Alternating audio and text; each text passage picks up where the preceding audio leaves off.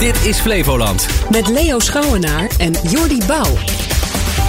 Goedemorgen, welkom op deze vroege woensdagochtend. Het is 18 oktober vandaag. We hebben het nieuws voor je. Het is definitief. Ook Urkenvissers die krijgen camera's aan boord. De EU wil in de gaten houden of vissers de bijvangst wel meenemen... in plaats van overboord gooien. Zometeen hoor je de reactie van Urkenvissers. En in Almere worden vaker kinderen mishandeld dan in de rest van Nederland. Er worden 2,5 keer meer meldingen gemaakt. Hoe dat komt, hoor je over een paar minuten. Bijvangst gaat vaak overboord en dat blijft ook zo als er straks camera's op ons zijn gericht. Zegt Jacob van Urk, voorzitter van Visnet, een belangenbehartiger van kottervissers. Hij reageert ermee op het besluit van de Europese Unie. Volgens dat besluit moet alle gevangen vis worden meegenomen, ook de bijvangst, dus niks mag overboord worden gegooid. Met cameratoezicht wil de Europese Unie meekijken of die regels worden nageleefd. Visser Jacob van Urk vindt het maar niks. De reden waarom er camera's uh, geplaatst moeten worden, uh, dat kan maar één reden zijn en dat is uh, nog strengere controles op de aanlandplicht. Of ze vertrouwen jullie niet? Vertrouwen, dat is wederzijds, is dat er niet. Nee? nee? Nee, ik ben ooit een keer in Straatsburg geweest met de stem voor de puls. En sindsdien is mijn vertrouwen in, in, Brussel en alle bureaucraten daar is ver beneden het nulpunt. Maar dit is weer zo'n zo ja, gedrocht wat bedacht is achter een bureautafel. Maar wordt het werken aan boord nu anders als er camera's zijn en dat meegekeken kan worden? Ja, kijk, al zetten, ze, al zetten ze mijn camera's neer, misschien, misschien dat er ook wel een beetje privacygevoel is. Want ik ken geen andere beroepsgroep die uh, camera's op zijn vingers heeft. Dus ik zou niet weten uh, of, of dat wel mag.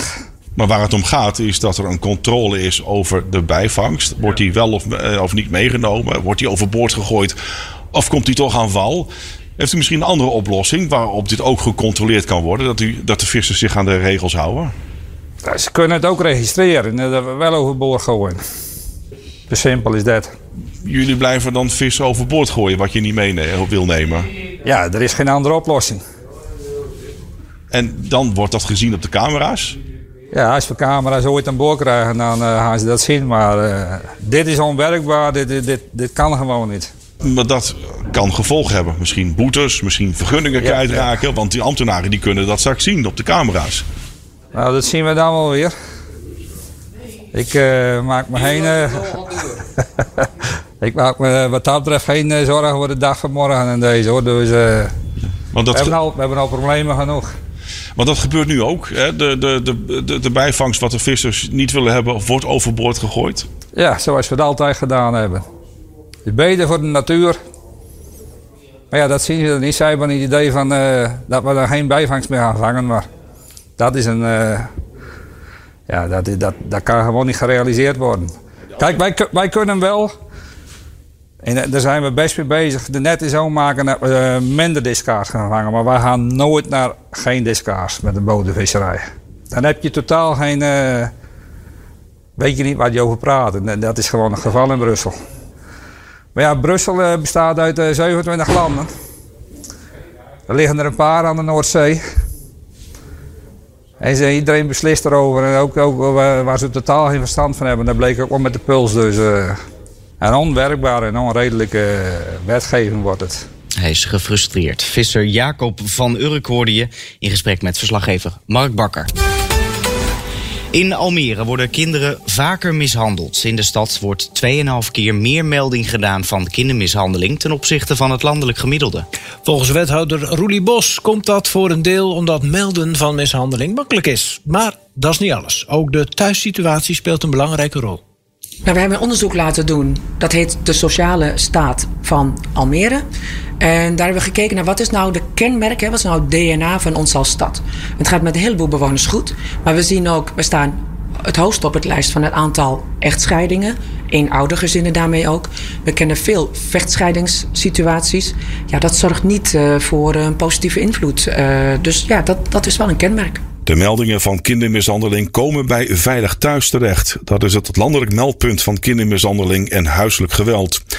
Jaela Kok van Veilig Thuis Flevoland herkent het beeld dat wethouder Bos schetst over vechtscheidingen. We krijgen ontzettend veel meldingen binnen uh, wat betreft allerlei verschillende vormen van huiselijk geweld en kindermishandeling.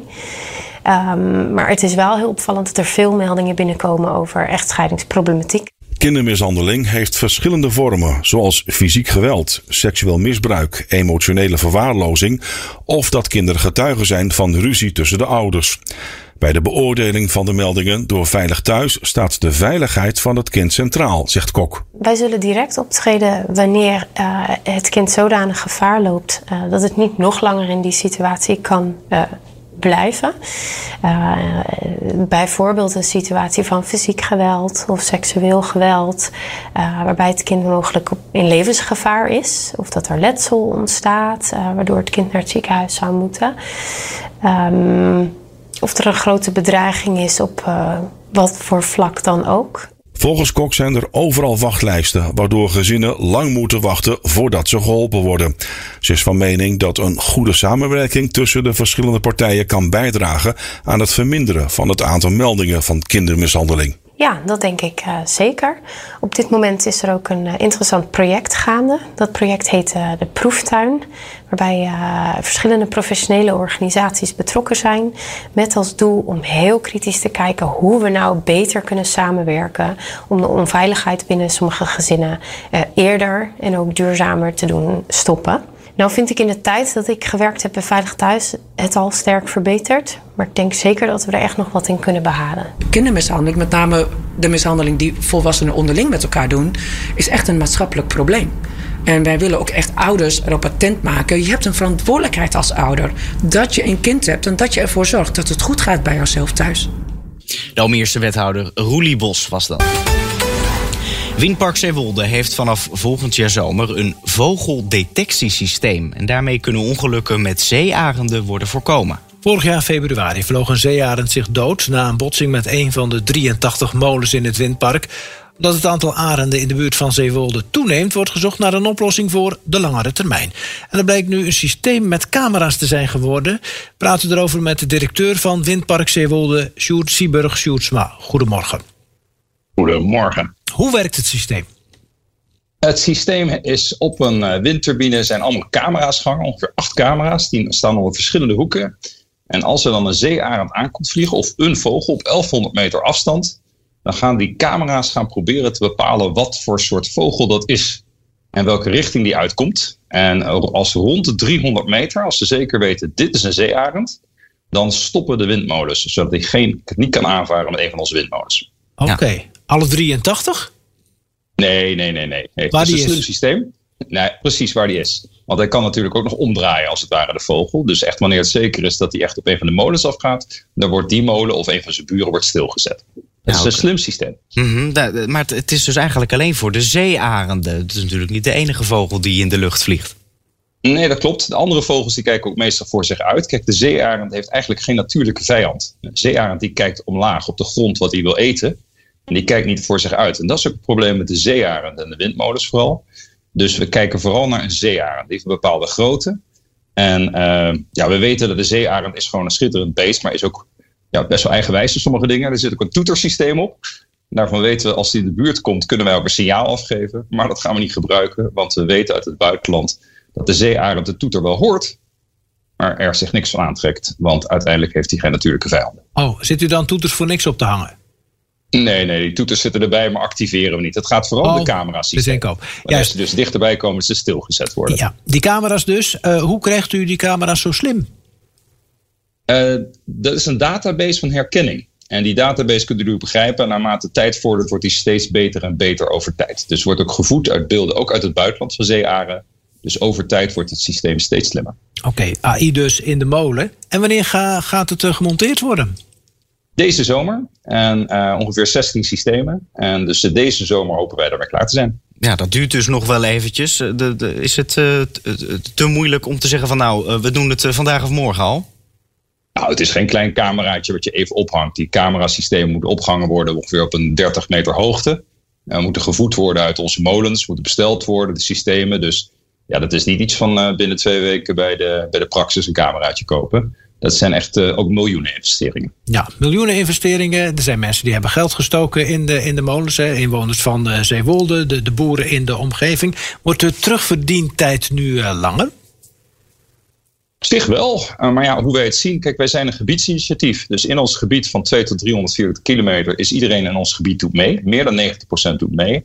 En wij zien die zeearend ook eigenlijk als een nieuwe gebiedsbewoner. Toen wij startten met de ontwikkeling van het windpark 2013, 2018, was hij er amper, de zeearend. Heel af en toe kwam hij naar binnen, maar door de mooie groei van de zeearend, de Oostvaardersplassen, ja, is het eigenlijk een soort nieuwe gebiedsbewoner geworden. Ja, en dan zeggen we van ja, het is gewoon voor het gebied.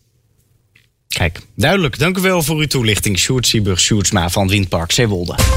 Wat heb je gisteravond gemist op radio en tv? Vertel Jordi. Op de radio en op televisie ging het natuurlijk veel over de oorlog in Israël. En uh, ook bij Nieuwsuur, volgens oud-NAVO-baas Jaap de Hoop Scheffer, moet Israël vooruitdenken. Er zijn al veel oorlogen in, in en om Gaza gevoerd. En er zijn nog altijd 2 tot 2 miljoen Palestijnen. Kijk, dat, dat de Joodse staat dit als een essentiële crisis in zijn bestaan ervaart, daar heb ik alle begrip voor. En daar verdient Israël ook, ook, ook, ook grote steun. Maar hier zijn een aantal onbeantwoorde vragen. En de koning van Jordanië in het filmpje net waarschuwt niet voor niets uh, voor, voor het risico van escalatie. En moeten niet in een situatie komen dat die hele regio ontploft. Het is uh, ruim tien jaar geleden dat Boyan Slat zijn bedrijf The Ocean Cleanup oprichtte. Met één doel: onze oceanen plasticvrij maken. Bij Umberto vertelde hij hoeveel plastic hij inmiddels met zijn uitvindingen uit de oceaan heeft gevist. Een kilootje of 8 miljoen, waarvan denk ik 90% in de afgelopen zes maanden ongeveer. Dus uiteindelijk zijn er veel dingen mislukt, niet goed gegaan. Maar uiteindelijk door dingen te proberen en steeds te leren van, van onze fouten... Um, zijn we nu eindelijk tot het punt gekomen dat we daadwerkelijk systemen hebben... in rivieren en in de oceaan die, die werken. Dus het is nu echt puur een kwestie van, van opschalen.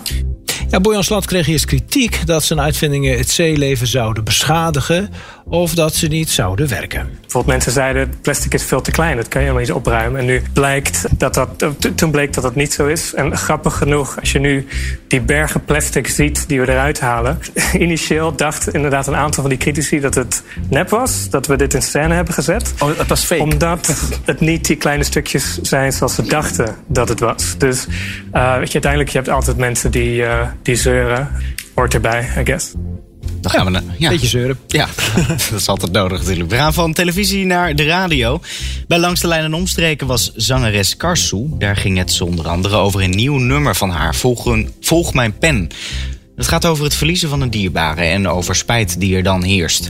En als zij het nummer zingt, is er niet één dierbare waar zij aan denkt. Het zijn er meer. Ik heb natuurlijk veel familieleden verloren in een, in een paar seconden. Mm -hmm. um, Bij de aardbeving. Ja, ja precies. Um, aan wie denk ik? Ja, verschillend. Verschillend. Ja. Het is niet dat je het op één verhaal of op iemand gebaseerd hebt. Nee, kijk, nee. kijk bij mij is het heel erg moeilijk op het moment omdat dat soms je, je rouw of zo moet verdelen onder, in mijn geval, dan 17 mensen. Dus dat is dan, dat je denkt, oh ja, die ook. Oh ja, ja, ik heb een klein nichtje van vijf. Oh ja, de tweeling is er ook niet meer. Dus dan, dan is dat uh, heel raar. Nou, verschrikkelijk. Verliezen van 17 mensen kun je niet voorstellen. Dat was gisteravond op radio en tv.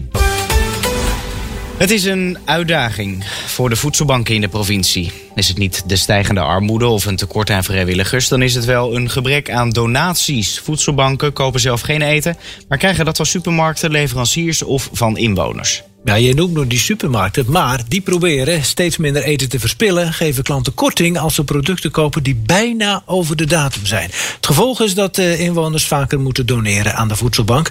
Nou, gaan we eens kijken in Lelystad. Daar werd een vrachtwagen vol met groenten geleverd bij de voedselbank. Je hoort de voorzitter van de voedselbank van Lelystad, Theo Grootjes. Dit is allemaal vers gesneden groenten. Dus we hebben goed contact met een grote groentesnijder in uh, Noord-Holland. Die maken normaal van allerlei producten voor de supermarkten in Nederland. En er blijft wel eens wat over, er gaat wel eens wat fout. En ze zijn ook wel zo lief, zou ik bijna zeggen, om af en toe iets meer te snijden dan echt voor de supermarkt nodig is. En dat halen wij met plezier op. En zo heeft de Voedselbank in Lelystad nog twee grote vaste leveranciers uit de supermarktbranche. Maar dat is niet altijd meer genoeg. Op dit moment merken we dat de supermarkten in Nederland heel erg hun best doen om verspilling tegen te gaan. Dat betekent dat er minder overblijft. Dus we merken niet alleen in Lelystad, maar in heel Nederland dat het aanbod van voedsel voor de voedselbanken wat afneemt. Dat is een van onze zorgen voor de komende periode. Van een vrijwilligerstekort is hier geen sprake. En ook het aantal mensen dat gebruik maakt van de voedselbank blijft hier stabiel. Maar toch wordt het zo moeilijk om een gevarieerd maaltijdpakket samen te stellen. De oplossing komt van kleinere initiatieven. Vanmorgen is hier een meneer geweest met zijn eigen auto. Die bij een van de kerken in Lelystad dit heeft opgehaald. Dit is dus ingezameld door de leden van die kerk. Ik zie hier bijvoorbeeld heel wat pakken houdbare melk. Daar zijn we heel blij mee. A, omdat het een goed product is in de samenstelling van het geheel. En B, dit is houdbare melk. Die kunnen we ook nog volgende week gebruiken. Het lijkt er dus op dat producten hier voortaan minder vaak per vrachtwagen worden gebracht en vaker met de personenauto. Want het doel van de voedselbank blijft. Iedere week voldoende en goed voedsel leveren. Dat ging tot nu toe redelijk probleemloos en het wordt een klein beetje spannend. Het is hier in Lelystad nog steeds relatief goed, dus ik piep niet. Maar onze aandacht is erop gericht hoe blijven we dat ook in de komende periode volhouden. Theo Grootjen was dat over de toekomst van de voedselbank in Lelystad. Gaan we naar de berichten van buiten Flevoland. Bij het ziekenhuis in het noorden van de Gazastrook wordt met man en macht gezocht naar overlevenden. Gisteren kwamen volgens de Palestijnse autoriteiten bij een bombardement op dat ziekenhuis zeker 500 mensen om het leven. Volgens Hamas viel Israël het ziekenhuis aan. Israël zegt dat het ziekenhuis is getroffen door een afgezwaaide raket van een gewapende Palestijnse groep. Het is niet voor het eerst dat Israël de schuld legt bij een falende raket die vanuit de Gazastrook zelf wordt afgevuurd en dat verschillende partijen naar elkaar wijzen. Een onderzoek zou moeten uitwijzen wat er precies is gebeurd, maar dat wordt vaak geweigerd. Maar de Arabische wereld is het er in ieder geval over eens. Zij leggen de schuld van dit bombardement bij Israël. Het ziekenhuis werd door honderden tot duizenden burgers gebruikt als schuilplaats. De angst is dat er nog honderden mensen onder het puin liggen. Overlevenden worden naar een ziekenhuis in de buurt gebracht. BCC heeft alle winkels gesloten vanwege de veiligheid van het personeel. Door het faillissement proberen koopjesjagers een slag te slaan. Maar dat leidde tot ongeduldige, boze en zelfs agressieve klanten binnen en buiten de winkel. Sommigen probeerden showmodellen van de muur te rukken en bedreigden het personeel. Nou, daarop besloot BCC de winkels te sluiten. En dus kwamen deze mensen in Breda voor een dichte deur te staan. Ik gauw even mee profiteren, maar helaas. En ik heb nog een leuke bon van Essent. Die brengen ook niks meer op. Ik kwam maar heel even kijken voor Apple. Het is wel maar 10% korting, maar zomaar weer 10%. Wat je hier doen? Vraag hoe het zit met mijn wasmachine. Dat heb ik al uh, twee weken geleden besteld. En het zou hier afgeleverd worden. Maar uh, het is er nog steeds niet. BCC ging eind vorige maand failliet. De curatoren begonnen een uitverkoop om nog zoveel mogelijk geld te krijgen voor de voorraden die het bedrijf nog heeft. De 65-jarige Martje uit Kampen is alvast begonnen met het schrijven van kerstkaarten. Nu al? ja, ze wil alle ouderen in de zeven verzorgingshuizen bij haar in de buurt een kaartje sturen om zoiets tegen de eenzaamheid van de ouderen te doen. En ze is al lekker op dreef. Ze heeft er al 400 geschreven. Ik ben maanden aan het schrijven. Maar het is wel heel erg leuk. En gaat het met de arm? Nou, nee, helemaal geen last van hoor. Nee? Nee. Ik schrijf iedere dag nou, een stuk of 15 à 20 kaarten. Kerst is een engel met een hoopvol bericht. Fijne feestdagen. Alweer eentje. En zo ga je dus maar eventjes door, hè? Ja, in totaal wil ze 1200 kerstkaarten versturen. Dus ze heeft er nog 800 te gaan. Maar het is ook nog maar 18 oktober. Ja, dan heeft ze nog eventjes. Waar ze dat allemaal van betaalt. Het is best wel duur zo'n... Uh, maar misschien maakt ze het allemaal zelf natuurlijk. Dat zou kunnen. Ja, maar dan de postzegel nog. Ja, ja als, als, als, in de buurt zijn... dan kun je ze natuurlijk op fietsje brengen. Dat is waar.